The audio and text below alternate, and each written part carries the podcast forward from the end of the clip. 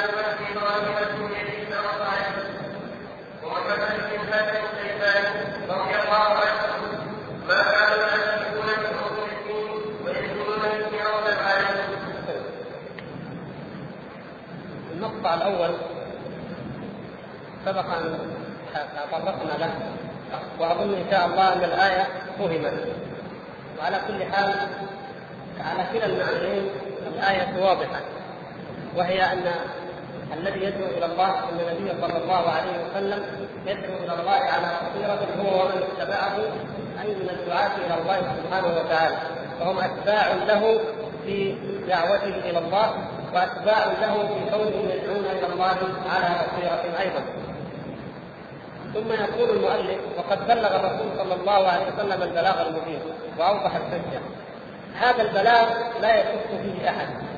لو شك أحد أن النبي صلى الله عليه وسلم قد غش أو خان في البلاغ أو انتقص شيئا منه لكان كافرا مرتدا وهذه القضية بديهيه ومعلومة عند جميع المسلمين لكن لا يجب أن نرتبه عليها وأن نجعله من لوازمها يخفى على كثير من المسلمين. فإذا آمنا وأيقنا أن الرسول صلى الله عليه وسلم قد بلغ الدين كاملا ولم ينتقص منه أي شيء أي شيء فماذا يترتب على ذلك؟ إذا جاءنا أحد ووضع قواعد نفهم بها بعض الآيات أو بعض الأحاديث ونرد بها البعض الآخر ردا واضحا صريحا إذا جاءنا واحد ايا كان وجاءنا بإضافات جديدة وأعمال جديدة لم يقرأها النبي صلى الله عليه وسلم وقال هذه من الدين هذه من حقيقة الدين وهذه يؤجر الله سبحانه وتعالى على من فعلها ويرفع درجته ويفيده فمعنى ذلك أن هذا الإنسان يقول بلسان حاله إن لم يقل بلسان مقاله أن ما جاء به النبي صلى الله عليه وسلم ناقص وأنه لم يبلغ ولم ولم يؤدي الأمانة التي وصلت إليه وهذا صلى الله عليه وسلم من ذلك. لكن هذه هي حقيقة قوله. ومن ذلك التأويل. الذي سيذكره المؤلف بعد قليل. إن الذين وضعوا قواعد التأويل متفقون ومطلقون ومجمعون على أن هذا التأويل لم يعرفه النبي صلى الله عليه وسلم ولم يعرفه الصحابة. يوافقون على ذلك ولا يخالفون فيه. ثم يأتون ويقولون هذا من أصول الدين التي يجب أن نتمسك بها ونضعها قاعدة ونرد بها كثير من النصوص أو نحرف معاني كثير من الآيات لأنها قاعدة ضرورية. كيف تقولون إنه من اصول الدين مع قولكم إن النبي صلى الله عليه وسلم لم يذكره ولم يتعرف له ولم يأتي به، إذا ما بلغه؟ إذا ما بلغه؟ إذا لازم كلامكم أن صلى الله عليه وسلم ما بلغ وقد خان الأمانة والرساله عياذا بالله. فلذلك نفهم أهمية أننا نركز قضايا العقيدة كل قضايا العقيدة المشكلة أو التي خالفت فيها الفرق نرتبها نحن ونرجعها إلى القضايا المحكمة القضايا البدنيه المحكمة. ولذلك قال بعض العلماء شيخ محمد بن الوهاب رحمه الله كشف الشبهات إن العامية الموحد يغلب الخلق من المشركين أو من أصحاب البدع. لماذا؟ لأنه وإن كان عاميا وإن كان علما محدودا لكنه يرجع القضايا المشتبهه الشائكه التي يخوض فيها العلماء قد لا يستطيع أن يخوض فيها يرجعها إلى قضايا واضحة. إلى أصول محكمة وضوابط مصعبه محكمة. فنرد المتشابهات أو المشكلات إلى المحكمة الواضحة الجل فإن جاء أحد قال اول هذه من عندنا كلمة عامة ونقول ما أثبته الله لنفسه أو أثبته له النبي صلى الله عليه وسلم آمنا به. انتهينا. كلام واضح وقاعدة عامة لا إشكال فيها. وهكذا. فمن جاءنا وقال هذه زياده نعمل هذا العمل ما عمله الصحابه رضي الله تعالى عنهم ولا النبي صلى الله عليه وسلم الجواب عليه بسيط جدا يقول ما دام لم يعمل فهو ليس من الدين ولا أجر فيه ولا ثواب بل فيه العقوبة والرد. من أحدث في أمرنا هذا ما ليس منه فهو رد. وهذا ينطبق على ما وضع من قواعد علم الكلام وينطبق على البدع العملية والفرعية وكل بدعة ابتدعت فهي داخلة فيما أحدث بعد النبي صلى الله عليه وسلم. ولكن الافتراق قد وقع. والحديث أيها الإخوة الحديث عن افتراق هذه الأمة وعن أسباب افتراق هذه الأمة يقول والحقيقة انه لا مانع من التعرض له باستفاضه وإن كان فيه اطاله عن بعض الموضوعات في الكتاب ولكننا كلما نقرأه في هذا الكتاب وفي كتب العقيدة إنما هو نتيجة لهذا التفرق أو رد على الذين تفرقوا واختلفوا في الكتاب. ومن هنا نعرف اهميه موضوع التفرق ولماذا تفرقت هذه الأمة؟ هل كان في عهد النبي صلى الله عليه وسلم معتزلة وخوارج من الصحابة؟ ما كان هذا. كيف تفرقت الأمة؟ وكيف ظهرت هذه البدع؟ هذه يجب أن نعرفها جميعا والحديث الذي ذكره النبي صلى الله عليه وسلم في ألفاظ كثيرة وإن كان بعضهم يطعن فيه لأنه ليس في الصحيحين ولكنه ورد في المسند ورواه ابن أبي عاصم وورد في السنن في روايات كثيرة إن هذه الأمة تفترق على 73 فرقة كلها في النار إلا واحدة. وبعضها يذكر إن اليهود افترقت على 71 فرقة والنصارى افترقت على 72 فرقة وهذه الأمة تفترق على 73 فرقة. وبعضها لا يذكر الزيادة كلها في النار إلا واحد وبعض الروايات يذكر زياده آه، آه، الطائفة الناجية صفة الطائفة الناجية وأنها ما أنا عليه واصحابي الشاهد أن مجموعه الروايات يدل على صحه الحديث حتى أن بعضهم أكثر من الأحاديث المتواترة مع أنه ليس في أحد الصحيحين. لكن الافتراق في ذاته ثابت وواضح من أدلة قطعية غير هذه الألفاظ وغير هذه الروايات التي وردت في الافتراق نحن نعلم جميعا أن اليهود والنصارى افترقوا إلى حد الاقتتال وأنهم كما قال الله سبحانه وتعالى ولو شاء الله ما اقتتل الذين من بعدهم من بعد ما جاءتهم البينات ولكن اختلفوا. فمنهم من آمن ومنهم من كفر. فهم اختلفوا وتفرقوا بغيا بينهم. فلما نسوا حظا مما ذكروا به أغرينا بينهم العداوه والبغضاء. ونسوا حظا مما ذكروا به فأغرينا بينهم العداوه والبغضاء. أخبرنا الله تعالى ان اليهود والنصارى اختلفوا وأخبرنا في هذه الآية من سورة المائدة أن سبب اختلاف اليهود سبب اختلاف النصارى أنهم نسوا حظا مما ذكروا ولو أخذنا هذه القاعدة هذه القضية هذه الكلمة جملة أو كلمة قرآنية تفسر لنا كثيرا جدا من اسباب وقوع الخلاف بين المسلمين ولو اقربنا الأمثلة عليها لقال من المقام كيف أنهم لما نسوا حظا مما ذكروا به وقعت العداوة والبغضاء أبقى الله سبحانه وتعالى بينهم العداوة والبغضاء لما نسوا حظا مما ذكروا به. كيف نفسر هذه الجملة القرآنية على هذه الأمة ونعرف لماذا اختلفت هذه الأمة. من الحظ الذي ذكرنا به آيات الوعيد وأحاديث الوعيد. ذكرنا الله تبارك وتعالى ورسوله صلى الله عليه وسلم بآيات بالوعيد لمن قتل ولمن زنى ولمن سرق والذين لا يدعون مع الله إلها آخر ولا يقتلون النفس التي حرم الله إلا بالحق ولا يزنون ومن يفعل ذلك يلقى أثاما يضاعف له العذاب يوم القيامة ويخلد فيه مهانا هذه من آيات الوعيد. والقتل والزنا هذه متوعد عليه. وجاء النبي صلى الله عليه وسلم فقال لا يزني الزاني حين يزني وهو مؤمن. إلى آخر الحديث. وجاء في الحديث الآخر لا يؤمن احدكم حتى يحب لاخيه ما يحب نفسه. وهكذا أحاديث كثيرة في مقام الوعيد. آيات الاحاديث في مقام الوعيد. فجاءت الخوارج فأخذت حظا مما ذكروا به. أخذوا أحاديث الوعيد فقط. جانب الوعيد فقط. قالوا اذا من ارتكب كبيرة فهو كافر فهو خارج من الملة. طيب أين أحاديث؟ الأحاديث الأخرى احاديث الوعد أين الاحاديث التي تفسر هذه الأحاديث وهذه الآيات التي فهمتموها؟ لا أخذوا حظا فقط مما ذكروا به وتركوا الحظ الآخر. مع أنه لو أخذوا هذا وهذا لفهموا كما أخبر النبي صلى الله عليه وسلم في الحديث الصحيح. لا تقوم الساعة حتى تقتتل. طائفتان من المسلمين دعواهما واحدة. تقتتل ودعواهما واحدة.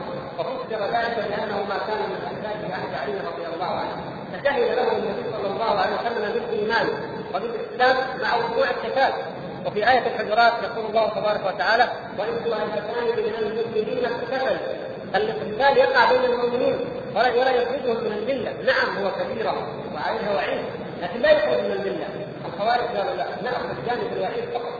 فنخرجه من الملة بالكبيره، قتلا أو زنا أو سرقه أو ايا كان، فأخذوا حظا مما ذكروا به، واخذت المرجئه حظا آخر مما ذكروا به، أخذوا مقابل مقابل الوعيد وهو الوعد، من قال لا إله إلا الله دخل الجنة.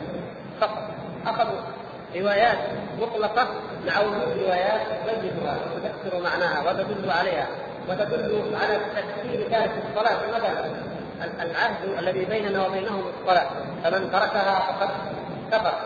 مثلا بين العدل وبين الكفر أو الشرك ترك الصلاة. أدلة واضحة. قالوا لا. من قال لا إله إلا الله فتركوا جانب الوعيد كلة وأخذوا جانب الوعد فقط. وأن الله سبحانه وتعالى يفهم هذه الأمة وأنه لا يعز منها أحد وان وأن رتبوا هذه الأمور وحديث الشفاعه وأمثاله ولم ينظروا إلا إلى هذا الجانب. وهكذا.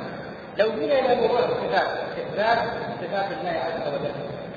الله تبارك وتعالى في آيات كثيرة النبي صلى الله عليه وسلم علمنا كيف نؤمن بصفات الله عز وجل وأنها على جانبين. ليس كمثله شيء وهو السميع البصير. لاحظوا نفي فيه التنزيه جانب التنزيه ليس كمثله شيء هذا جانب إيه؟ تنزيه لله سبحانه وتعالى. وجانب إثبات وهو السميع البصير إثبات لله تعالى. فنحن ذكرنا بهذين معا. ذكرنا بهذين الحظين معا. لأننا نثبت وأننا ننزه الله تبارك وتعالى. ما الذي حدث؟ جاءت المعطله فأخذوا جانب النفي فقط جانب التنزيه فقط. قالوا لا يسمع ولا يبصر وليس له يد ولا يستوي وليس له كذا ولا كذا فقط.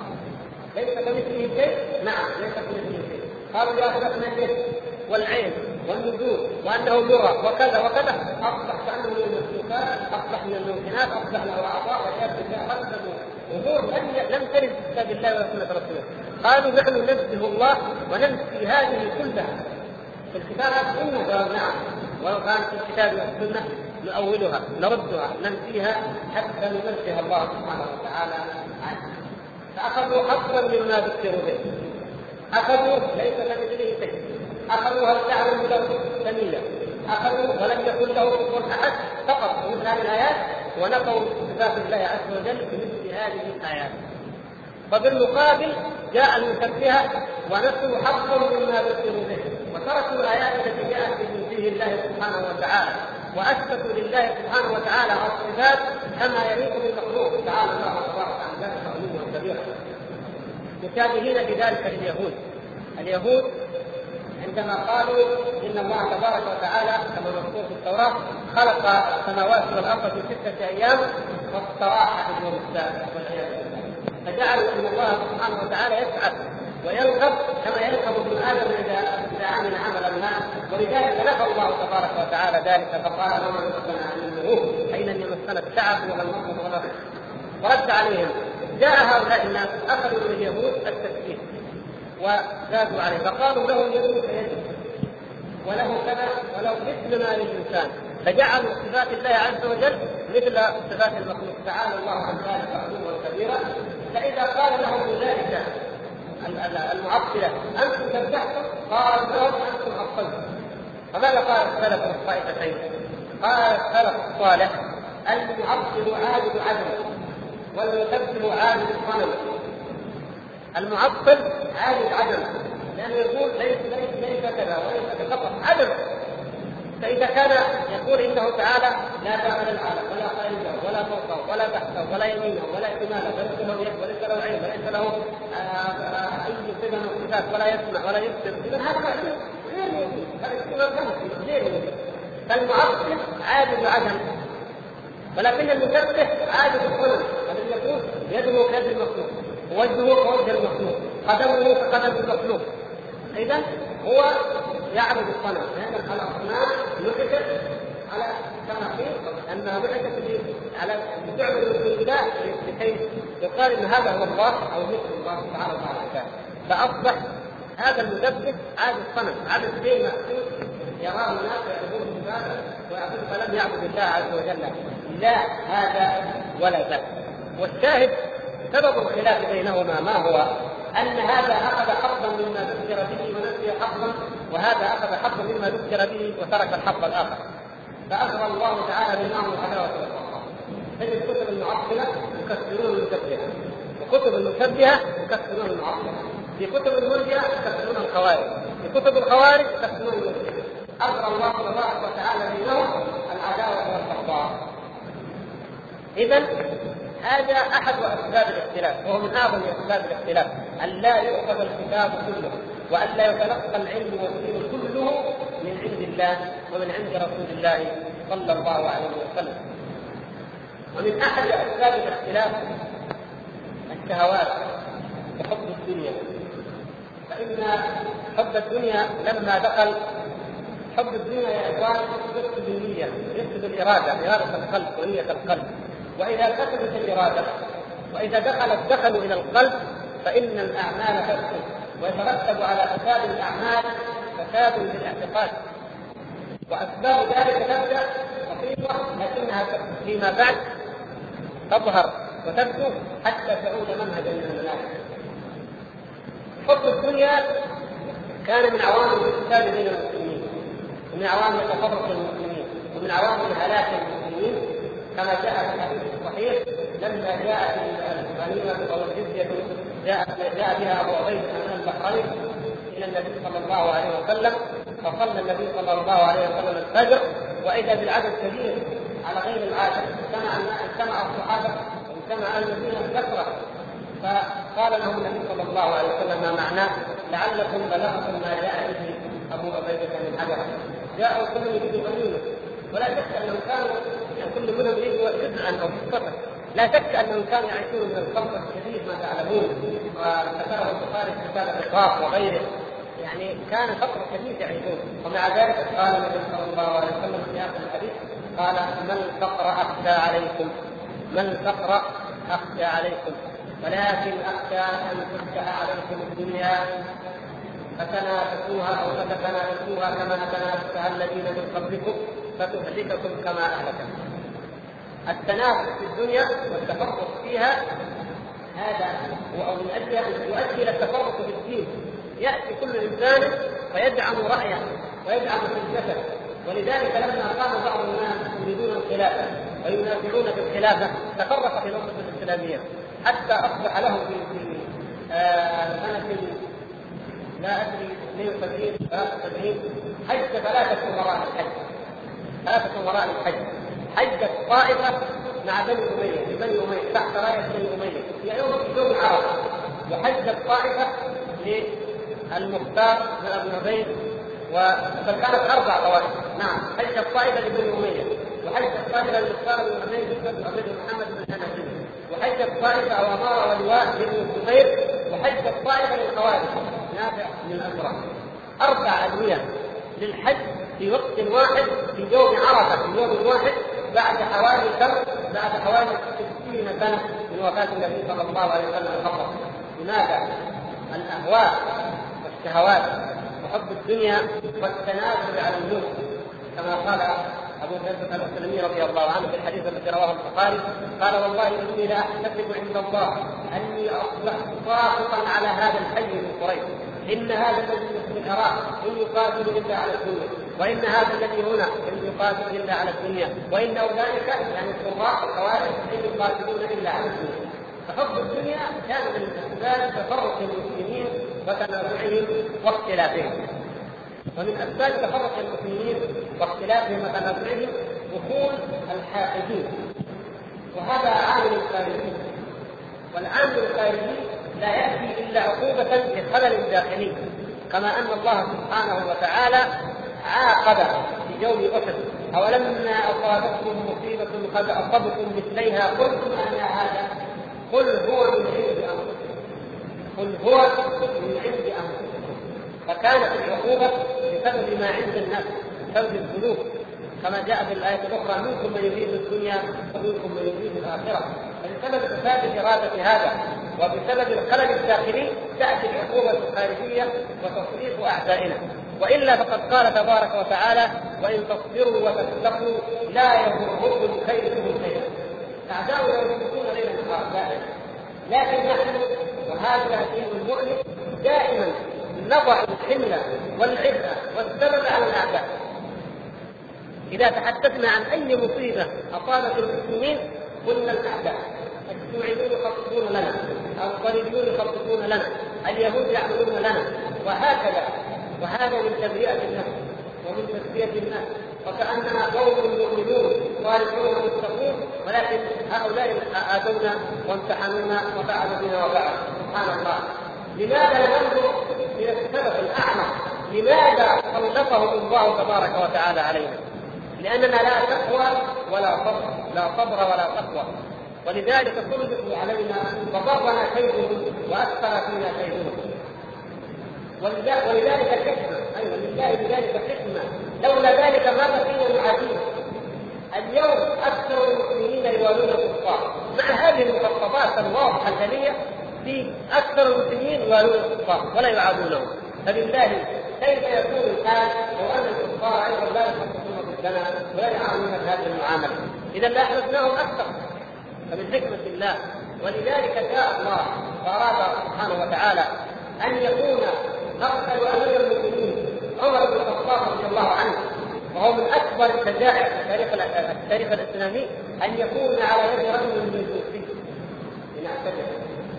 وعندما جيء ليحقق معه شهد بعض الصحابة بأن جفينة النصراني والهرمزان الذي من ملوك العجم جاء وأظهر الإسلام في المدينة أن جفينة والهرمزان اتفقا مع أبي لؤلؤة المجوسي ورآهم قبل ذلك بليالي وهم يتحدثون وسقط من بينهم السيف له الاسلام وهذا هو الذي استخدم في قتل عمر الفاروق رضي الله تعالى عنه. اذا هناك مؤامرة النصارى والمجوس المشركون اتفقوا وبيتوا المؤامرة لمقتل عمر رضي الله عنه واكتشف المسلمون هذه المؤامرة. ليعرفوا أنهم دائما لهم أعداء وأن العداوة هذه لن تخلد ابدا بل يحتاطوا من أمثال هؤلاء الأعداء. ولكن الاعتبار بذلك قليل. هؤلاء نعم اليهود اليهود وضعوا السنة للنبي صلى الله عليه وسلم بالشاة كما كان في الحديث الصحيح الشاة المسمومه التي اكل منها النبي صلى الله عليه وسلم حتى قالت قال في القراءة إنها مسمومه وانفقها الله النبي صلى الله عليه وسلم. فهم أعدى أعداء الإسلام كما قال الله تبارك وتعالى لتجدن لتجدن أشد الناس عداوة للذين آمنوا اليهود والذين أشركوا بالدرجه الأولى. كان هناك التخطيط من اليهود ومن البنين ومن النصارى على تفريق المسلمين. ولذلك جاء اليهودي عبد الله بن سبع وأثار الفتنة على عثمان رضي الله عنه ليكمل الدور الذي قام به أبو لؤلؤه المجوسي عليه. ولما حرق علي رضي الله عنه هؤلاء الزنادقة وكان من جهة من طائفه عبد الله بن سبع اليهودي لما حرقهم علي رضي الله عنه أين هرب عبد الله بن سبع؟ لجأ إلى بلاد فارس إلى بلاد فارس وهناك بذر الفكر المجوسي التقى الفكر المجوسي مع الفكر اليهودي وبذروا الفكرة التي أصبحت تؤله علي رضي الله عنه. لأن علي رضي الله عنه إنما حركهم لما قالوا أنت أنت. قال من أنا؟ قالوا أنت الله.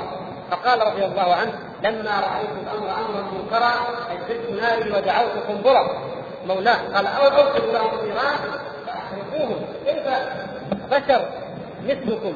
تقولون إنه هو الله. فلما هرب عبد الله بن سبع إلى أرض فارس بذر هذه الفكرة في نفوس العجم واوجد الدين السبعي الذي ما يزال قائما حتى الآن. هذا الذي يكون على تأليه علي رضي الله عنه وتأليه ذريته من بعد اذا من أسباب تفرق المسلمين ومن أسباب ظهور هذه الفرق هذا المكر اليهودي وهذا المكر اليهودي النصراني والمسلمين. هؤلاء يفرقون ولما ظهرت هذه الطائفة ظهر منها طوائف كثيرة. سنأتي على ذكر بعضها عندما يتحدث المؤلف رحمه الله عن التأويل. وسنأتي أيضا نتعرف لهذه الطائفة وغيرها عندما يأتي إن شاء الله تعالى الحديث عن الصحابة. وما يليق في حق الصحابة وما يجب اعتقاده في حق الصحابة رضوان الله تعالى عليهم. والشاهد الآن ان نعلم أن من أسباب تفرق المسلمين تخطيط اعدائهم ولذلك المغرور والمخدوع من يقول أن هذه الطوائف الحاقده التي أنشأها أعداء الإسلام وبدروها ببلاد المسلمين وفرقوا بها صف المسلمين أنها يمكن أن تحب الإسلام والمسلمين أو يمكن أن توالي الإسلام والمسلمين. لا يمكن هذا ابدا لأنها قامت على الحقد وبه تتغذى دائما.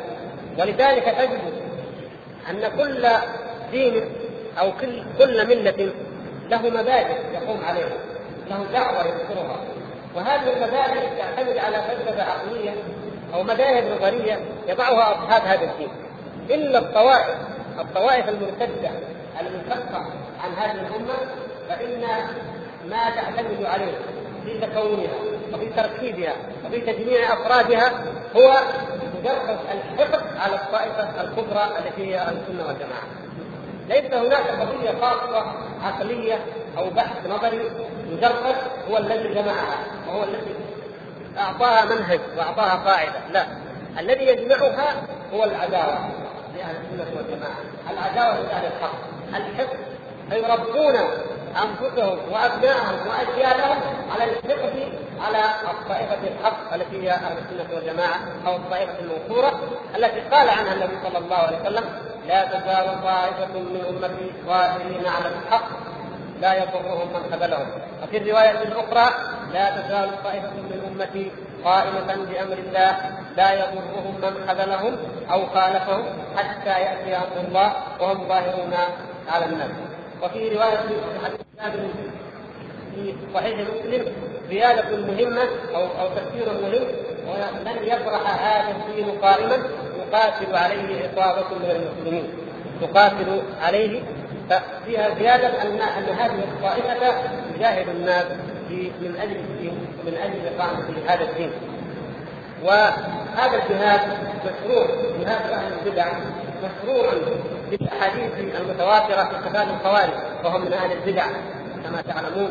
والنبي صلى الله عليه وسلم قال في الحديث الصحيح المتواتر كما قال بعض العلماء لو قال لو أدركتهم لقاتلتهم قتل عاد. لأن هؤلاء الخوارج ابتدعوا في دين الله عز وجل بدعة وجعلوها من دين الله تبارك وتعالى. ومن هنا أخذ العلماء قاعدة عظمى وهي مقاتله أهل البدع. قاعدة عظيمة من قواعد الشرع وهي أن حكم أهل البدع القتال المقاتله إذا تحيزوا وأصبحوا طائفه وأما إذا بقوا في المجتمع فإننا يجب عليهم أن نثبتهم وأن نمنعهم من نشر بدعهم ومن الدعوة إليهم. ولكن نعطيهم أحكام الإسلام الظاهره كما قال لهم علي رضي الله عنه لما لجوا بجنبات المسجد وقالوا لا حكم الا لله لا حكم الا لله فقال إن حكم علينا الا نمنعكم البيت ولا نمنعكم المساجد يعني يصلون معنا ويأخذون حصتهم من البيت من بيت المال من بيت مال المسلمين. هذا لهم علينا. الا إذا أحدثوا حدثا الا إذا أحدثوا حدثا. أي إذا عملوا عملا يخل بامن المجتمع المسلم وجماعه المسلمين. وكتاب أهل البدع طويله ولعل ياتي بعضها إن شاء الله. لكن الشاهد أن هذه الطائفة المنصورة هي التي مثل ما كان عليه النبي صلى الله عليه وسلم وأصحابه كما ذكرتها رواية الترمذي ما أنا عليه وأصحابي أو ما أنا عليه اليوم وأصحابي. كما كان عليه النبي صلى الله عليه وسلم وأصحابه هم هذه الطائفة. ولما سئل الإمام أحمد عن الطائفة المنصورة قال إن لم يكونوا أهل الحديث فلا أدري من هم.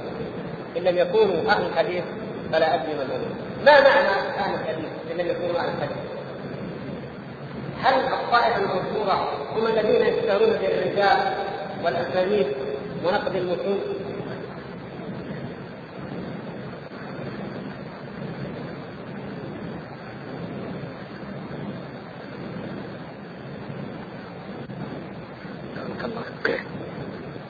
نقول ما معنى قول الإمام أحمد إن لم يكونوا أهل الحديث فلا أدري من هم. أهل الحديث مصطلحان أو ذهب دلالتان مصطلح علمي ومصطلح شرعي. المصطلح العلمي الفني البحث هو الذين هم الذين يشتغلون بدراسة الحديث الذين يشتغلون بنقد الرجال ونقد المتون ومعرفتها وتخريجها وبمعرفتها وتخريجها هؤلاء يسمون علماء الحديث كما نقول علماء النحو وعلماء البلاغة وعلماء اللغة وعلماء التفسير نقول أهل الحديث أي علماء الحديث بهذا المعنى. نقول أهل اللغة أهل التفسير أهل الحديث. ليس هذا هو المعنى المراد في كلام الإمام أحمد. لأنه يوجد من المحدثين من هم على بدعة خاصة في القرون الأخيرة. ويوجد من المشتغلين بالرجال ونقد الرجال ودراسة الأسانيد من لا يمثل حقيقة عقيدة أهل السنة والجماعة حق التنفيذ. ولا يمثل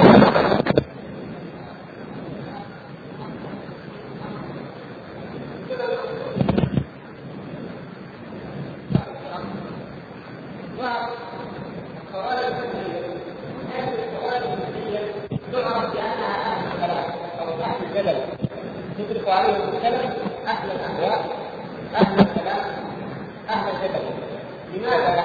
لأن بدعهم لا تقوم على دين كتاب الله وسنه رسوله صلى الله عليه وسلم تقوم على الجدل والرأي والهوى وعلم الكلام فبقيت الطائفه الموثوره أهل السنة ياخذون بالاحاديث ولذلك يسمون أهل الاثر أهل الاثر أو أهل الحديث اي المتبعون بما كان عليه النبي صلى الله عليه وسلم فكلام الامام احمد ان لم أهل الحديث فلا منهم اي المتبعون للاثر حتى لو كانوا أهل اللغة بعض علماء اللغة كانوا من أهل السنة والجماعه القدامى من أهل اللغة عموما.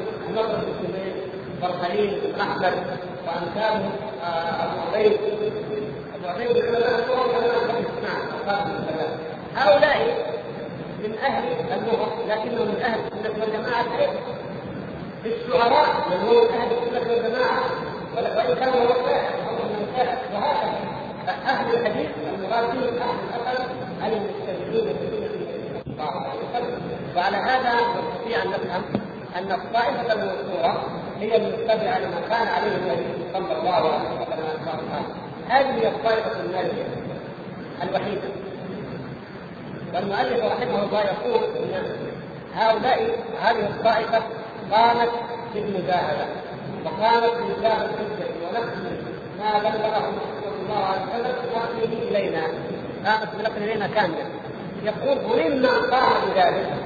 هنا يأتي الشاهد الكتاب ممن قام بذلك الامام أبو جعفر الطحاوي الذي سبقت ترجمته وهو وضع مثل العقيدة الطحاويه فإنه رحمه الله كما قال نقل حديث الإمام أبي حنيفة وصاحبيه هذه الإمام أبو جعفر الطحاوي في أول القرن الرابع آه، بعد القرون الثلاثة لأنه كما قال ولده سنة 39 و200 وفات سنة 311 فمن أول القرن الرابع 319 هذا هو ناقل ناقل جاء لعقيده السلف ونقلها وبالذات نقل عقيده الامام ابي حنيفه وابن يديه فهو ناقل شيخ الاسلام ابن تيمية؟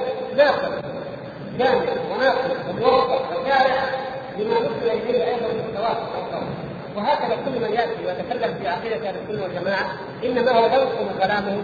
ويشرحه ويوضحه ولو جاء أحد بشيء من عنده لرددناه كما نرد على أهل البدع ولم نقبله ابدا. لكنه ينقل وينقل كلام السلف ويشرحه فهذا هو طريق السلف وهذا هو طريق أهل العبد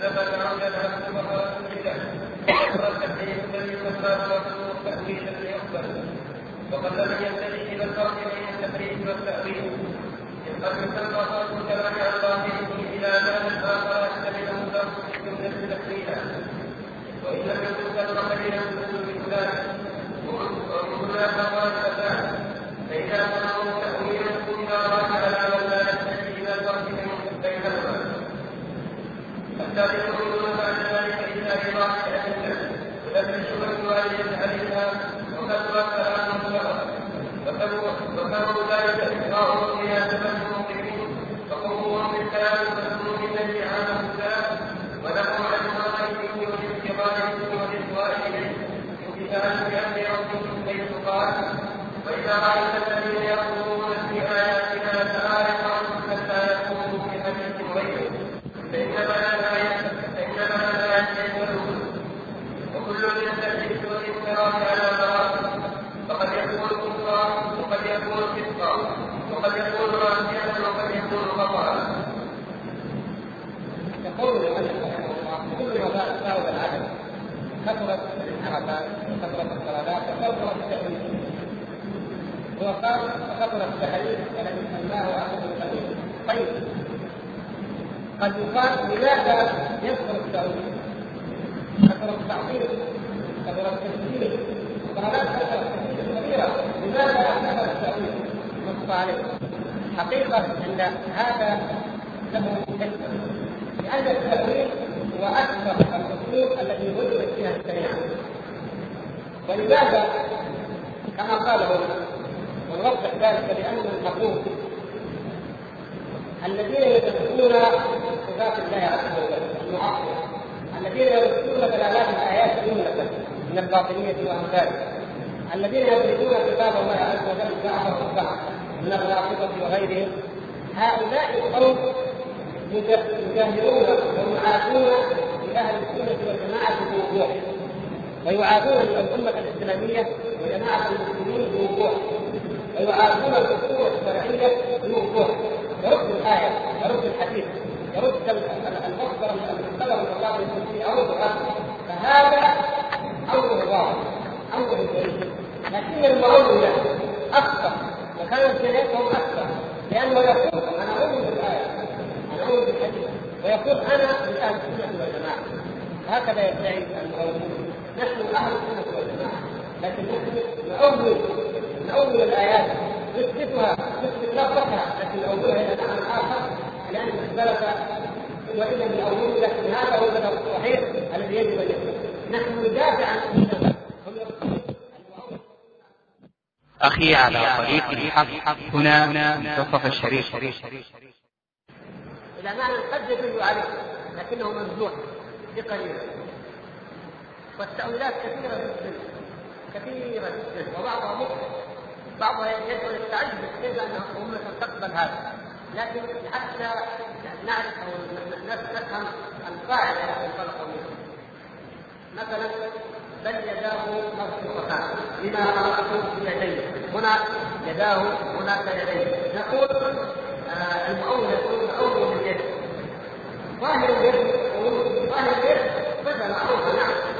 الذين يثبتون لله عز وجل يد حقيقيه تليق بجلاله سبحانه وتعالى لا نعلم كيفيتها الله له نقول هذا ظاهر نعم نحن مسلمين إن هذا هو ظاهر هذا الذي يدل عليه لكن نحن نطلب هذا الظاهر إلى وجه أو احتمال المرجوح هذا راجع لكن نحن نصرف للمرجوح إيش المرجوح؟ المرجوح أن اليد هي النعمه وأن اليد هي القدره طيب ليش قال مرجوح؟ يحرف الكلام عن الراجح المرجوح قالوا لقرينة. هناك قرينة. ما هي القرينة؟ قالوا والقرينة تنزيه الله عز وجل. القواطع العقلية. البراهين العقلية. قال على ان الله تعالى منزه عن الجاهل. هكذا يقول عن الجاهل. والقواعد العقلية أن الله منزه عن الجوارح. واليد جارحة. فنريد أن ننفيها عن الله فننقل في اللفظه من الاحتمال الظاهر المتبادل الظاهر الذي يعرفه كل من يقرأها إلى احتمال مرجوح إلى قول ضعيف قد قد يقال فيها بوجود هذه القرينة وهي البرهان العقلي البرهان العقلي الذي قال على تنفيذ الله سبحانه وتعالى. طيب من الذي من الذي ينزل الله؟ برهانكم العقلي أو عقولكم. ينزل الله. عما ذكره هو هو سبحانه وتعالى لم ينزه نفسه حتى تاتوا أنتم تنزلون بهذه البراهين سبحان الله. وأول حصل التاويلات العديده نذكر فقط بعض الأمثلة لأن الأمور سياتي إن شاء الله. في الحديث الصحيح الحديث الصحيح أن الله سبحانه وتعالى يضع قدمه في النار. روايات كثيرة فيه وان أن النار لا تمتلئ حتى يضع الله تبارك وتعالى فيها قدمه وفي رواية الجده كلها في البخاري وروايه الإمام مسلم أيضا. قدمه أو رجله يضعها في النار تقول قط قط. تمتد في إحدى الروايات جاء كلمة الجبار. في روايات كثيرة يضع الله الرحمن. ما يزال نظر هذا. نظروا رواية واحدة. يضع الجبار قدمه. قالوا الجبار إما أنه أحد الملائكة. اسمه الجبار. وإما أنه أحد الظلمة من أهل الأرض. أحد الطواغيت كبار الأرض. يعني النار ما حتى يضع الله هذا الجبار طاغوت يضع قدمه ويتعلمه في النار وتقول قط قط قد انتهى. وهذا هو الذي أولها فيه الزويني ابو المعالي الزويني وقد رجع عن ذلك يمكن ياتينا هذا إن شاء الله. رجع عن التأويل إلى التصوير عن غير من السلف. لكن هنا انه رجع إلى الاسلام الطويل المهم هذا التأويل قال فيه ابن معالي وقال ابن تبيعه عليه ابو حامد الغزالي وموجود هذا في كتابه المنقول في علم رجعوا أو أو قالوا بأن الجبار إما أن يكون ملك اما ان يكون طاغوت اما ان يكون لماذا؟ هروبا من أن يكون من الله طيب الايات الحديث الروايات الأخرى ما فيها إلا الله الرحمن. فكيف تأول كيف تقولون جماعة الحديث قالوا هذا عندنا قرينة عندنا دلالة. وهي أن الله تعالى يتنزه عن الافعال يتنزه عن الجوارح. وهذا قامت عليه القواعد العقليه والأدلة القطعية من العقل ونحن نسلم فيه. حديث الحظر حظر لما جاء النبي صلى الله عليه وسلم الحظر من اليهود قد روى الامام والبخاري ومسلم أيضا وغيره. قال إن الله عليه محمد قال إن الله يضع يوم القيامة يضع السماء على إصبع والأرض على إصبع واستوى على إصبع والشجر على إصبع وبقيه الخلائق على اثره وفي رواية الإمام أحمد انه يضع الأرض السماوات على على هذه على جهة وأشار إلى سبابه ثم استمر بقيه الاوصال ففي الحديث فضحك النبي صلى الله عليه وسلم تصديقا لقوله. هكذا نص الحديث. ضحك النبي صلى الله عليه وسلم تصديقا لقوله. ونزلت الآية وما قدر الله حق قدره والأرض جميعا قبضته يوم القيامة والسماوات مطويات بيمينه سبحانه وتعالى. هنا هذا الخبر قال هذا الكلام. والنبي صلى الله عليه وسلم ضحك تصديقا لقوله إن هذا حق لكن تصديقه هل كنا قلنا نتوهم نخشى على بالنا لا ابدا سبحانه وتعالى له الصفات ما يليق به كما ان المخلوق ما يليق به فماذا فهم اولئك؟ قالوا اول هذا الحديث لمن اوله من قال ان النبي صلى الله عليه وسلم ضحك تعجبا من تشبيه هذا الكافر اليهودي ومن شبه هذا اليهودي الذي يجعل الله اطفالا فضحك النبي صلى الله عليه وسلم تعجبا من شبه هذا الكافر. فكيف اين جئت هذا المعنى. وهو يكون تصديقا لقوله كما في الحديث. تأويلات غريبة. وليس عليها أي دليل إلا أنه كما قال قامت القواطع العقليه وقامت القرائن الادله العقليه على أن هناك قرينة تمنعنا عن أن نقول بظاهر هذا الحكم. ومن الأدلة على إبطال التاويل على بطلان التاويل ما قاله أبو المعالي النووي ليس بحامد الغزالي أبو المعالي النووي في نفسه رجع عن مذهب الأشعرية فعلى هو امامه وألف كتاب سماه الرسالة النظامية. مطبوع ولكن قليل التلاوة. قال أبو المعالي إني رأيت أو اطلعت فرايت السلف مطلقين على عدم التأويل. شوفوا كلام الإعتراف بنفسه رأيت السلف مطلقين على عدم التأويل مع كثرة اهتمامهم بفروع الشريعة. فلما رأيت وما معنى كلامه أنهم قد نظروا إلى الشريعة كاملة وأنهم أكثر منا اهتماما بأصول الشريعة وفروعها ورأيتهم مطلقين على عدم التأويل علمت أن التأويل غير الحق فتركت. وهذا دليل هذا هو الدليل الذي نحتج به دائما في كل في رد كل بدعة.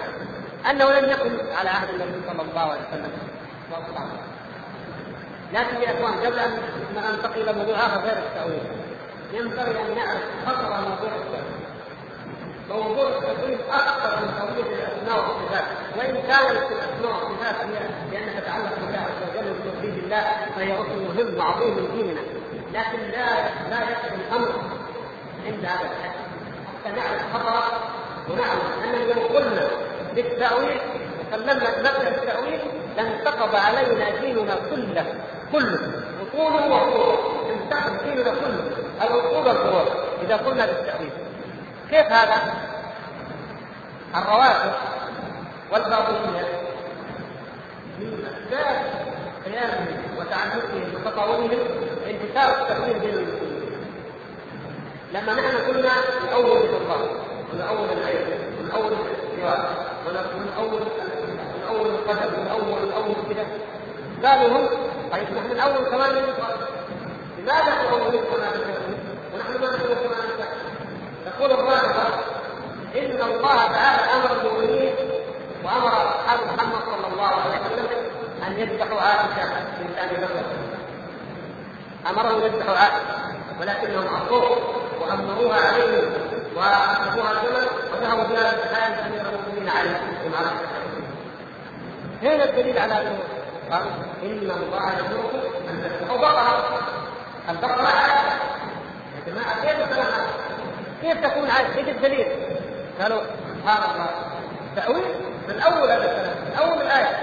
هل يعقل أن الله تعالى هو العظيم الكبير يأمر في القرآن البقرة أن هذا البقرة تمشي على الأرض على هذه لا. مسألة أعظم من ذلك لأنه نريد أننا نجتمع على أمة كبير المؤمنين ونقضي على هذه المرتدة مثل المرتد كما يقولون والعياذ بالله. ونقضي عليها ونذبحها فأمرنا أن نذبحها قالوا أهل السنة قال هذه ما يدل هذا اليهود هذه بني اسرائيل موسى قال القوم إن الله يامركم أن تذبحوا بقرة. قالوا الأول انه اللفظ لموسى والمراد محمد أي أمة محمد وقت دعائه بعد محمد. يعني نحن لماذا نقول بالتاويل؟ فياتي مثل هؤلاء ينظمون بالتاويل أولتم؟ ونحن اولنا قالت الباطنية تعالوا يا لماذا تصلون ولماذا تصومون ولماذا تحجون؟ قالوا هذا ديننا هذه أركان الإسلام. قالوا عجيب ما تفهمون شيء ما تفهمون شيء هذه اقيم الصلاة واتوا الزكاه ولله في البيت هذه مؤوله هذه الايات اول اولها كيف اولها؟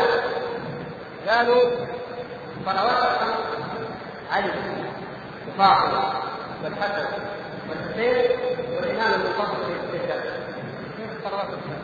تأويل هذا كيف نعمل التأويل؟ أنتم يعني أكثر المسلمين لما بدأوا التأويل سمعون التأويل بمجرد قيام قرينة عقلية تجعلنا نغير اللفظ عن ظاهره إلى اللفظ المرجوح صح ولا لا؟ المصح طيب نحن نؤول هذه الأركان الخمسة لأن هؤلاء الأئمة الخمسة لا بناء على قرينة عقلية. بناء على خبر يقين. كيف خبر الباب الذي في الباب باب الإمام المقصود. المصدر العلمي اليقين عندنا هو الإمام المقصود الذي هو ينقله من الباب فالباب ينقل كلام الإمام من روايه الاستدلال إلى هنا. فنحن نتكلم بيقين قواعد عقلية. هل عندنا مصدر ان الامام هذا المقصود العلم عندهم محكومون هذا ينقل لنا الكلام عن طريق الباب والباب يقين الحجاج والحجاج أو نواب الأمير أو هؤلاء يقول إلينا هذا المعنى فعرفنا ان الخمس هي هذه الاسماء الخمس طيب الصوت قالوا الصوت أن الواحد يحفظ اسرار الطائفة. القواعد هذه القواعد الباطنية التي تسيطر على كثير من المسلمين وتزيد موضوع الاساس ومن هنا نرجعها من هنا عليها ليس الخلاف بينه وبينها ما هو قضايا سياسية ما هو قضايا الخلاف بينه وبينهم لا يؤمنون بهذا القرآن. يقولون إن الاركان الخمسه هي هذا الصلوات الخمس هي هذا ويقول الصيام ان تحفظ أسرار الطائفة لا يستطيع الاخوان لا يستمع سني على الكلام الذي يقولوه الائمه والذي يقول في دوام فهذا هو الصيام والحج أن تقصد الأئمة وتتلقى عنهم وحدهم. ما هو كذا من الكعبه هذا حجر مبني لا كيف عرفتم هذا من اول هل التأويل حق ولا باطل؟ يعني كلكم تأول أهل السنة يأول أول موضوع الثلاثة كم يأول إذا قلنا هذا التأويل باطل تأويل الباطنية. لكن تأويل كمان تأويل الفلاسفة قال الفلاسفة إن البعث لا حقيقة له قالوا المسلمون أول؟ البعث الله سبحانه وتعالى والاحاديث الصحيحه فسرت البعث ووضحته أن الله سبحانه وتعالى يحكم الناس يوم القيامة حباء وآتا غرلا وتبلغون الاسلام ويكلمهم بينهم بالمال أحاديث جلية واضحة بأنه بعث حقيقي محسوس معروف. قالوا لا. هذا البعث حشر روحاني الارواح فقط. ولا تعالج الحياة. لأن العقل يدل على أنه أن هذه الفكرة بعد أن في الأرض وصارت هباء أنها تكون حي بشرا حيا لكن هذه الارواح فقط. حشر روحاني ونعيم الجنه نعيم روحاني فقط. ونعيم الجنه نعيم روحاني فقط. كيف تقول هذا الكلام؟ فقط.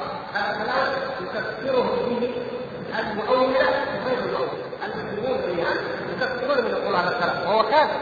حتى المؤولة يوافقون على أن هؤلاء كفار لكن يبغون علينا حجه ما علينا حجه يجبون على المؤولين حجه قالوا أنتم أنتم اولتم اليد اولتم الاستواء اولتم الوجود اولتم كذا. ونحن نؤول البحث نحن أولنا لقليلا قالوا طيب عندنا قواعد عقليه نحن اولتم مسمين عقليه وواقع عقليه أو البراهين العقلية. تدل على أن الله تعالى لا يختص بهذه الصفات وأنه منزه عنها لأنه قالها بنفسه في كتابه عن نفسه وقالها رسوله عن عنه تأولوها تنزلوها عنها. نحن أيضا نقول إن هناك قواطع عقليه ولكن هذا كيف؟ ما العقل يقول إنه القران لما القرآن ما يرجع اذا اذا نحن قواطعنا العقليه اقوى من قواطعنا العقليه اذا لا في ذلك انظروا يا إخوان والأمثلة كثيرة لكن نختصرها انظروا إلى جناية التأويل. وخطر التأويل على عقيدته لو فتحنا هذا الباب ممكن. لماذا نتحكم؟ من أول الكتاب نترك غيرنا ما يأول البعث ولا يأول الأحكام ولا يأول الدين كله. ابدا. فكل واحد يأول واذا أولنا وإذا اولت جميع القواعد فماذا بقي من القرآن؟ ماذا بقي من الدين؟ ماذا بقي؟ إذا ما الحل؟ الحل هو ما أنا عليه وقال أنزل ما كان عليه صلى الله عليه وسلم واصحابه ولا نتطرق إلى أي باب من أبواب البدع لا التأويل ولا التشبيه ولا التحريف ولا أي بدعة من البدع التي وضعها أصحاب الكلام وافسدوا بها عقيدتنا وافسدوا بها ديننا. فهذا الذي كما قال المؤلف رحمه الله إن هذا التأويل قبل وراد لم يكن تاويلا والا فهو تحريف فهو زياده الله تعالى يقول الرحمن على العرش استوى. ويقول المؤولة الرحمن على العرش استولى. زيادة زيادة تأويل لكن لا يحل المعنى وإن كانوا لم يبينوا الآية هم لم يكتبوا في الآية لا. لكن إذا شرحوها بهذا المعنى لم يبقى من حقيقة الآية إلا ما هو مكتوب في المصحف فقط. أما ما تفهم به وما تعرف به فهو المعنى الذي وضعوه وهو بزيادة المعنى وهكذا. فيقول إنه هذه من أجل ذلك احتاج المؤمنون إلى ذات الكبر يعني من أجل امتثال التأويل وامثاله احتاج المسلمون إلى التأليف في العقائد. والتأليف تأليفا أي ان يؤلفوا تأليفا يرد على هذه العقائد. الأصل أننا عندما نقرر عقيدة السلف الصالح مثلا. يكون بدل ما عندنا آية شرح الصحاوي عندنا كتاب الله نقرأ نقرأ مثلا. هذا الحافظ هذا هو يعلم فلقد اضطررنا نحن ان نسلك هذه الطريقة. لما كثرت البدع وكثرت التأويلات وكثرت الهرطات فبدانا أن نضطر الطريقة أن نقاوم الطائف أن نقاوم هذه البدع ونبينها ونفسها فلا نكتفي ببيان الحق وإنما نبين ضده وما يضاده من الباطل. يعني هذا هذا كلام المؤلف أنه من أجل ذلك يحتاج المؤمنون إلى إيضاح الادله ودفع الشبه الوارده عليه ثم يقول وكل من التحريف هذه قاعدة مهمة. وهذا من انصافه السابق من عدله وإنصافه رحمه الله تعالى. وقد قال الله تعالى يا أيها الذين آمنوا كونوا قوامين لله شهداء بالقسط ولا يجرمنكم شنآن قوم على أن لا تعدلوا. اعدلوا هو اقرب التقوى. اعدلوا. يقول كل من التحريف والانحراف على مراده وقد يكون كفرا. وقد يكون فسقا. وقد يكون معصية. وقد يكون خطأ. يعني نقول ثلاث مرات قال ثلاث مرات. قد يكون التأويل كفرا. مثل ماذا؟ مثل التأويلات الباطنية وتأويلات الفلاسفة وبعض التأويلات الكفرية وبعض التأويلات الرافضة هذه يكون التأويل كفرا. كمن يؤول القراء لأنها الأئمة الخمسة مثلا. يؤول القول بأنه يحب الأسرار إلى غير ذلك. هذا التأويل كفر يخرج صاحبه فقد يكون معصية تخرج صاحبه إلى البدعة يحكم على صاحبه بأنه مبتدع وأنه حاجة وذلك مثل التأويلات التي ذكرناها تأويل صفات الله عز وجل مع نية تسليم الله ومع عدم تعبد الاعتداد على الله أو الاختلاف على الله سبحانه وتعالى. وقد يكون خطا قد يكون التأويل خطا بعض الناس لم يتعمد الكفر وهذا موجود حتى في بعض كتب التفسير في السنة والجماعه وكتب الحديث في السنة والجماعه عندما يؤول بعض الصفات خطا ما هو مؤول؟ وله ما على أي منهج من مناهج أهل البدع. وإنما اخطا اذا جاء ولا كلمه هذا الكلام مؤول وهذا وهذا. انظروا كلمة هذا فيها هؤلاء الناس. بدا على أخطأ في هذا في هذا الموضع فقال لكلمه ان يكون مبتدعا هذا لا يخرج عن قول السنة والجماعه ما يقتل ولكن يجب علينا أن اذا عرفنا الخطأ أن نرجع إلى الحق. فخطأه هذا لا يحل عن قوله من أهل السنة والجماعه فبعض أهل السنة والجماعة وبعض العلماء المشهورين المعتبر قد يخطئ ويؤول بعض وهذا الخطا موجود له لأن الايات بل أكثر وقع الخطا في الأحاديث في الحقيقة. أحاديث الكتاب مثل أحاديث الأحكام. ونحن جميعا نعرف ألا يوجد احاديث صحيحة. أخطأ في فهم بعض العلم الكبار علماء من قبل الكبار. يوجد. إذا ما المانع أن يخطئ بعض الأئمة أيضا ولهم في نفسهم ولهم في فهم بعض الأحاديث بدلا من أحاديث الأحكام. أو مثله هذا يقع. يمكن يقع في كثير من الناس. فمن وجدناه مقيما للسنة مناصرا لها محاربا للبدع ليس في منهجه اعجاز منهجه سليم. لكن أخطأ أخطأ في بعض الأشياء. مع سلامه المنهج فهذا نقول تاويله هذا خطا ونرجو أن يغفر له هذا الخطأ بإذن الله تبارك وتعالى ولا نؤاخذه. ومن كان منهجه واصوله بدعيه فهذا من أهل البدع من أهل الوعيد. المتوعدين بعقوبه الله إلا أن يتوبوا ويغفر الله تبارك وتعالى لا إلا بالله والوعيد عند الله عز وجل. إن شاء عذب وإن شاء غفر. لا نقطع لهم الجنة ولا ما يشاء الله ما ما هو هذا؟ ولو هذا مراد الرسول والجماعة. إذا قال عن السنة والجماعة عن أحد وعن حكم انه من أهل الوعيد. فمعنى ذلك أنه تحت مشيئة أن الأدلة جاءت على أنه مستحق للعقوبة. أما أنه يعاقب فعلا فهذا مرده إلى الله عز وجل. قد يعاقبه وقد لا لكن واحد اسقاط العقوبه واحد لكن هل تنفذ؟ هل ينفذ حكم الله تعالى فيه؟ قد يكون له من ذلك من الحسنات. قد يتجاوز الله تعالى عنه بفضله وكرمه. لا ندري لكن نقول الاستحقاق وارد لأنه عصى الله عز وجل وارتجع بدين الله عز وجل. وأما النوع الثالث وهو الكفر التأويل المكفر الذي كما ذكرنا عن تأويل ولاة تأويل الباطنية تأويل ولاة الشيعة وغيرهم. فهذا يكون من الملة لأن صاحبه كما تلاحظون من الأمثلة عندها أصحاب هذا التأويل تعمدوا مباشرة القرآن وتعمدوا محاربة القرآن وتعمدوا تحريفه كما تعمدت اليهود لما قال الله تبارك وتعالى ادخلوا الباب وقولوا حفظة. ادخلوا الباب كذا. وقولوا حفظة. فقالت اليهود حنطة قال بعض العلماء النون التي زادتها زادها اليهود في حفظة وجعلوها حنطة مثل اللام اللام التي زاد بها الاولياء فقالوا استولى هذا وجه الشبه بينهم الذي يسير أو المحاسبه هذا يدخل في النوع المكفر أما الذي يزداد اعتماد الأمور البدعيه مخطئه يدخل في ذات التأويل المبتدع المذموم المتواعد عليه وأما الذي اصوله صحيحه ولكن يقع منه الخطأ كما يقع من سائر العلماء من سائر النصوص والأحاديث فهذا قلنا حق وهذا نرجو أن لا يؤاخذ عليه إن شاء الله عند الله تعالى. أما نحن في الدنيا فنبين. ما يمنع هذا؟ نقول العالم الفلاني أخطأ وأول هذا ونبين ذلك لأن الله عز وجل عبدنا لأن نبين الحق ولا نقدس أحد من الرجال وليس هناك أحد كلامه كله حجه صواب إلا محمد صلى الله عليه وسلم.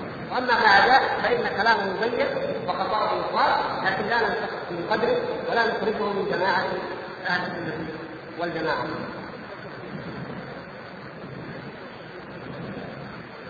الفسق هو يعني معنى الفسق والمعصية.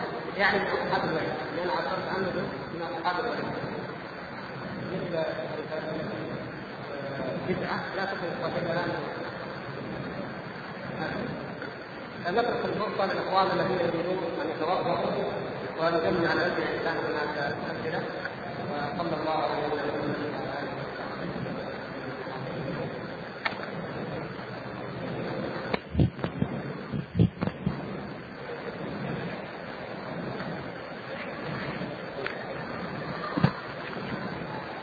أسئلة كثيرة ونافعة وسوف نقتصر على ما يتعلق بالموضوع الذي أخذناه يعني موضوع أو موضوعين التقرب والتأويل لأن كل ما نأخذ موضوع ونذهب ثم نتجاوز إلى موضوع آخر هذا هو الأفضل وإلا فالإلحاح موجود والحاجة موجودة لكن بعض الموضوعات تأتينا بإذن الله تعالى وكلها أنا إذا شاء الله سبحانه وتعالى وكان في الأمر بالحق نتعرف لها لكن نبدأ بالأشياء التي في موضوع حديثنا الذي نختار كل ليلة ما يتعلق بالسير هناك سؤالان عن عن هذه الفرق متى بدأت وما أقدمها وما هي الفرقة الناجية وأين يتم هذه الفرق السؤال الآخر يسأل عن الفرق هل هو ثلاثة سبيل وثمانية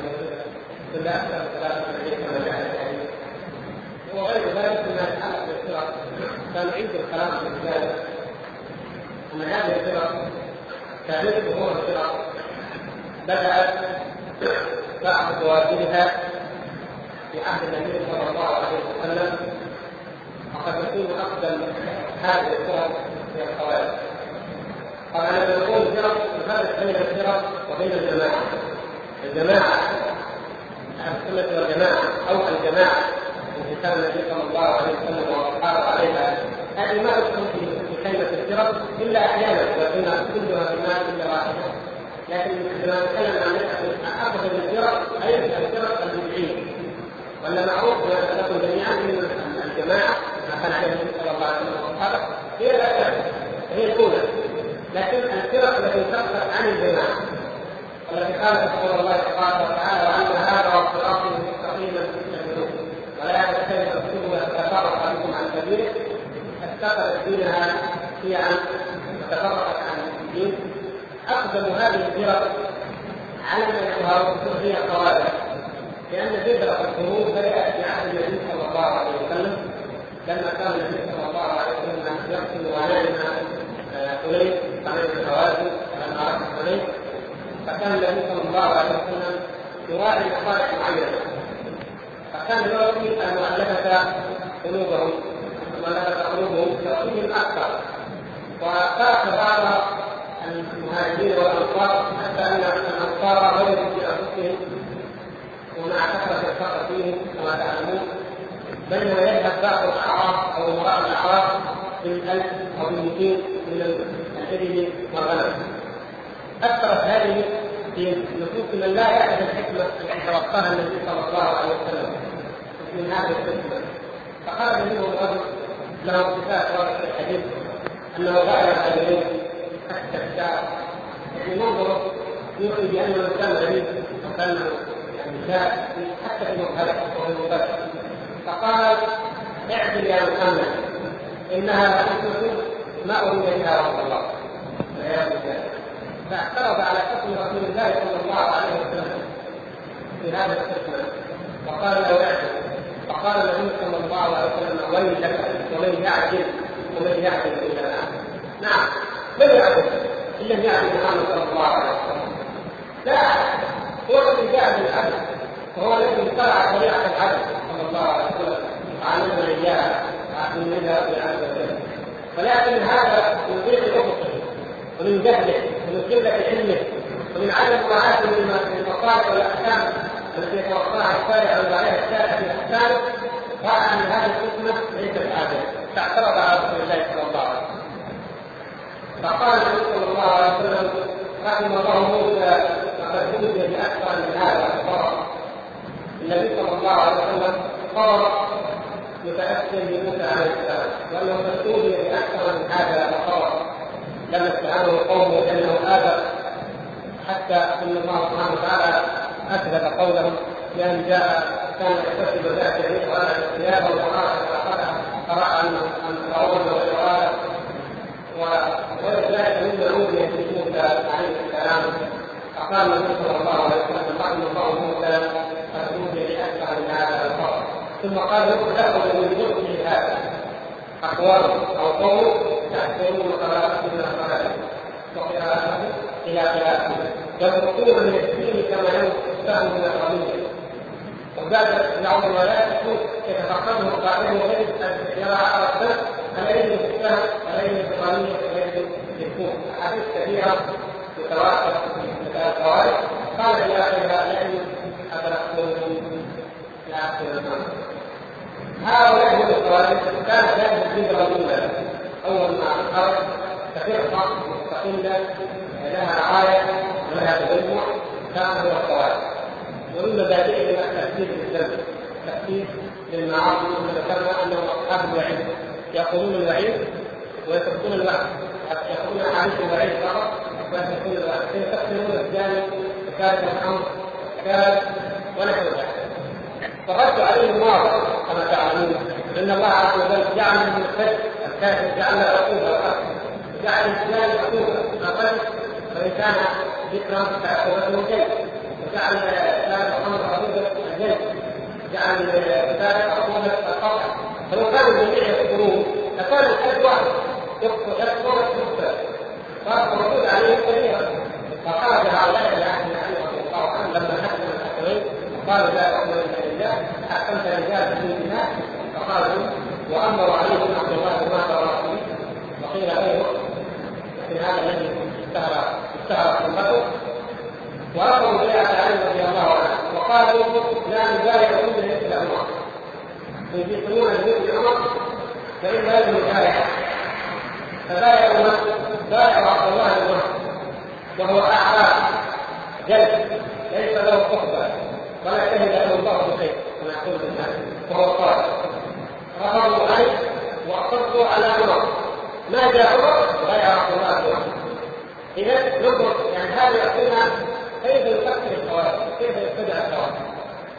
حكم يحكمها رسول الله صلى الله عليه وسلم ما تعرفون علي من المؤمنين ما يعلم لكن لما يظهرون يعلمون كيف يحكمون من يولون هنا ياتي الصحيح يأتي المحل. النظريات المثالية يمكن تكون لكن الواقع تكون جيد.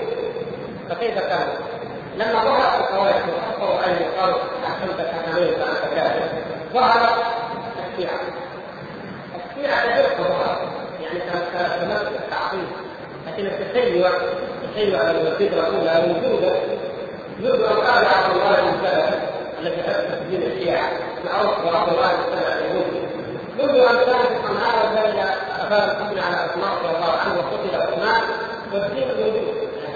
بدايه الفرقه موجوده لكن انها تخرج كفرقه واضحه عندما قال الخوارج كفروا عليه فخرجوا هم وانزلوا عليه رضي الله عنه. وكانت الشيعه ثلاثة اقسام كانوا ثلاثة اقسام الغالي المؤلف يعني يسمونه الغالي أو المؤلف. الذين قالوا في علي رضي الله عنه وقالوا أنت أنت قال ما أنت قالوا أنت الله وكذبوا له هؤلاء الذين حدثوا عليه. وهؤلاء أمر علي رضي الله عنه باحقاقه وهذا هم الاعظمان السبب إلى بلاد الانس وهناك الدين المتكتل بلاد والفرقه الثانية السبابه الفرقه الثانية منهم السبابه الذين يسبون ويقتلون الشيخين. هم لم يخرجوا من الإسلام وينكروا الدين لكن أو يردوا عليه لكنهم يسبون الشيخين. أبا بكر وعمر عنهم. وقد قال بعض العلماء ان كتاب الشيخين كفر ولو تأمله المتأمل لوجد أن لذلك أصل لأن هذا ثم أعلم من ذلك. وهنا كما قال علي بن كثير من العابدين نفسه الذي قال كيف أسبهما وهما وفي راس وفي راس الذي يسب في غير النبي صلى الله عليه وسلم فقد رسول الله صلى الله عليه وسلم. الذي يقول ان أبا بكر عدو الإسلام. الناس كذاب فهو متهم لرسول الله صلى الله عليه وسلم. ومتهم للامه كلها. هذا المنافق عدو الإسلام يولى يوليه النبي صلى الله عليه وسلم الصلاة. كتابا إلى تطبيق الإيمان في الحرمه وطرحت الاحاديث الاخرى بأنه هو الحديث من بعد صلى الله عليه وسلم لما قال المرأة المسلمين تأتي أبا بكر. وكان هو وعمر افضل الصحابه وافضلهم الصحابه النبي صلى الله عليه وسلم. فإذا كان هذان كذابين خارجين كما يقول المفسرون فالدين كله كذب وما نقدر في السنة والشريعة إلا عن طريق الصحابه لا راسهم أبو بكر. الشاهد ان هذه الفرقة الثانية وهي الكذاب الفرقة الثالثة هي المفضلة. المفضلة. وهؤلاء منهم الزيديه الذين وافقوا عليهم الخير. فقالوا لا لا الشيخين ولكن وقد هم الشيخان يقين الشيخين من الحديث وقال يقين الشيخين الصحابه ابو بكر وعمر فقال لا نذكر الشيخين ولكن نفضل نفضل عليهم عليهما عليه ونقول إن إمامة المفضول جائزه مع وجود الأخبار؟ ابو بكر وعمر خير وهذا الذي أنكره عليه أيضا علماء السلف وهو من البدع ويكفينا أن هذا بدعه انه ارفعها عن علي رضي الله عنه.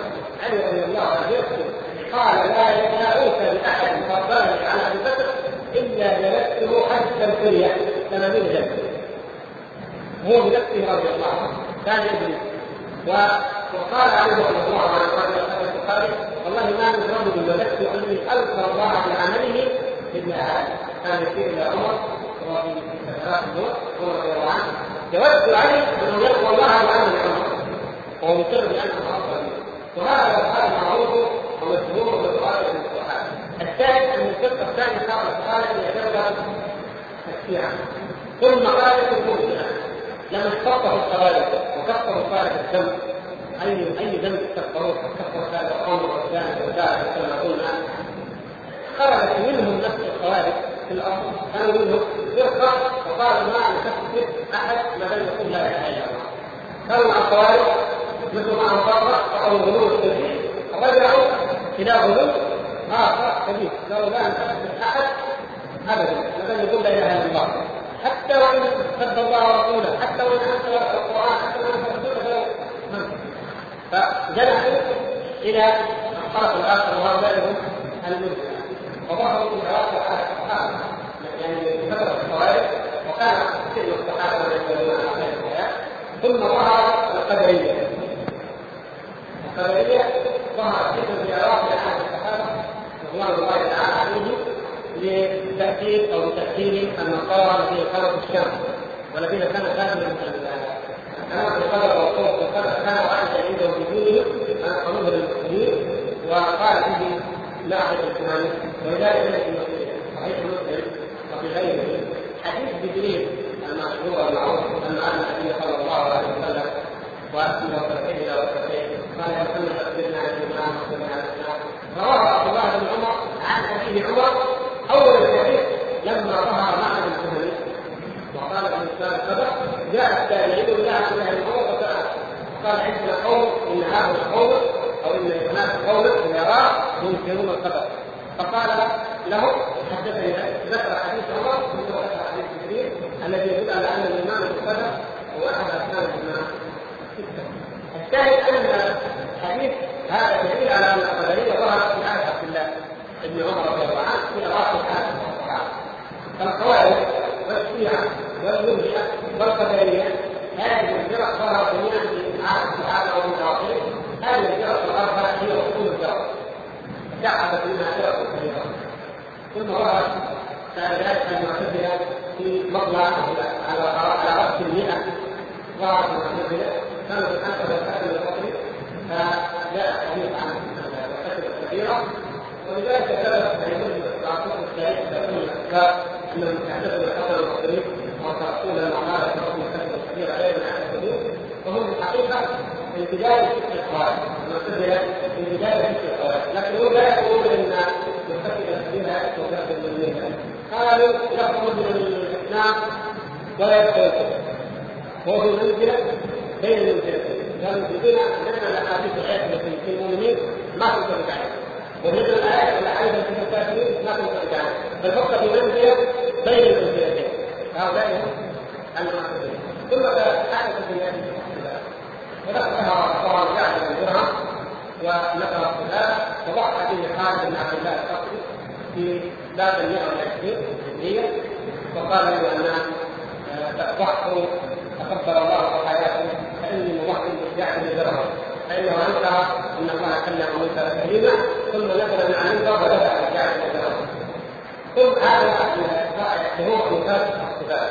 تلميذ جعفر بن درهم كان الجهل بالقرآن الجهل بالقرآن أخذ عقيدة الجعفر ونشرها وخرج ثورة أحد الثوار الذين خرجوا على المؤمنين في واقع اليوم سنة 198 كان فخرج مع الحارث بن سويد وكان كاتبا له. فذكر قصه المرجئه المعطله الجهة كان يكتب جميع الصفات عن الله وكان في نفس الوقت مرجئ يقول إن الإيمان هو المعرفه القلبيه فقط. من عرف الله قلبه فهو مؤمن كما يقول الجهل. هذا المرجئ من الجهل. أكثر المرجئه وينظر لأن الدين يعرف الله بقلبه. بل بلسانه قال فبعزتك لأغوينهم أجمعين. رب بما أغويتني يعرف الله أنه ربك. فهذا يعني استبدل مع الإعجاب ونفى نفى صفات الله عز وجل من أسباب الشر يعني بدل الإنسان من صفوان نفى مثال لماذا كان صفوان فعل هذا الفعل؟ كان الإنسان يجادل كثير الجدل بلا علم يجادل بغير علم. لم يتفقه ولم يقاتل الناس ولم يقرأ كتب العلم. ولم يحفظ من كتاب الله وسنة رسوله إنما كان يجادل. يجادل فقط. فجاءه قوم من الهنود من أسباب الأخبار هنود لكن عندهم فلسفات وعندهم كلام ملمق فقالوا جينا نناظركم جينا نجادل المسلمين نرى من عندهم من عنده حق ومن عنده باطل ما يبدع بها كثير من الناس. لو جاءت تجادلنا اسم جلوس سبحان الله. هؤلاء كفار هل من الضرورة لا بد من حكم الاساس ان ان نحكم ونطيع يعني هل لا بد من أجل ان اكون واجل اتفهم الدين حتى يدري ان أنا اطاعه على باطل. وإلا لا يؤمن كفار. كانوا معامله هؤلاء الناس. إنهم إما أن تقام عليهم حجه من العالم المتمكن فإما أن يستجيبوا لها وإما أن يختلفوا وقوعهم بلاد الاسلام لكن الجهل الجهل قله علمه عن المخلوق لا ضابط بل أمر مخلوق فقالوا له سر ما هو هذا الكتاب؟ هل رأيته؟ هل لمسته؟ هل تمسته؟ هذا عباده عندهم هذه القواعد وهذه الأصول ما تؤمن بالتفسير تنفع سنه الجهل يعني لا إيمان ولا فهم ولا تعلم لما يسلم قوله أكثر من الناس وكذا لا راح عقله دخل عن السلطان فبقي أربعين فكر فكر فكر أربعين يوم ما حتى قيل الفرق الصلاة ما بيفرق ثم خرج عرفت الجواب قالوا ما هو؟ قال هو كالهواء مثل هذا الهواء ليس له اي صفه لا يلمس ولا يشرب ولا يشرب الهواء موجود لكن لا يلمس حتى يرد عليه ونتج عن ذلك نفي صفات الله ثم ظهر بعد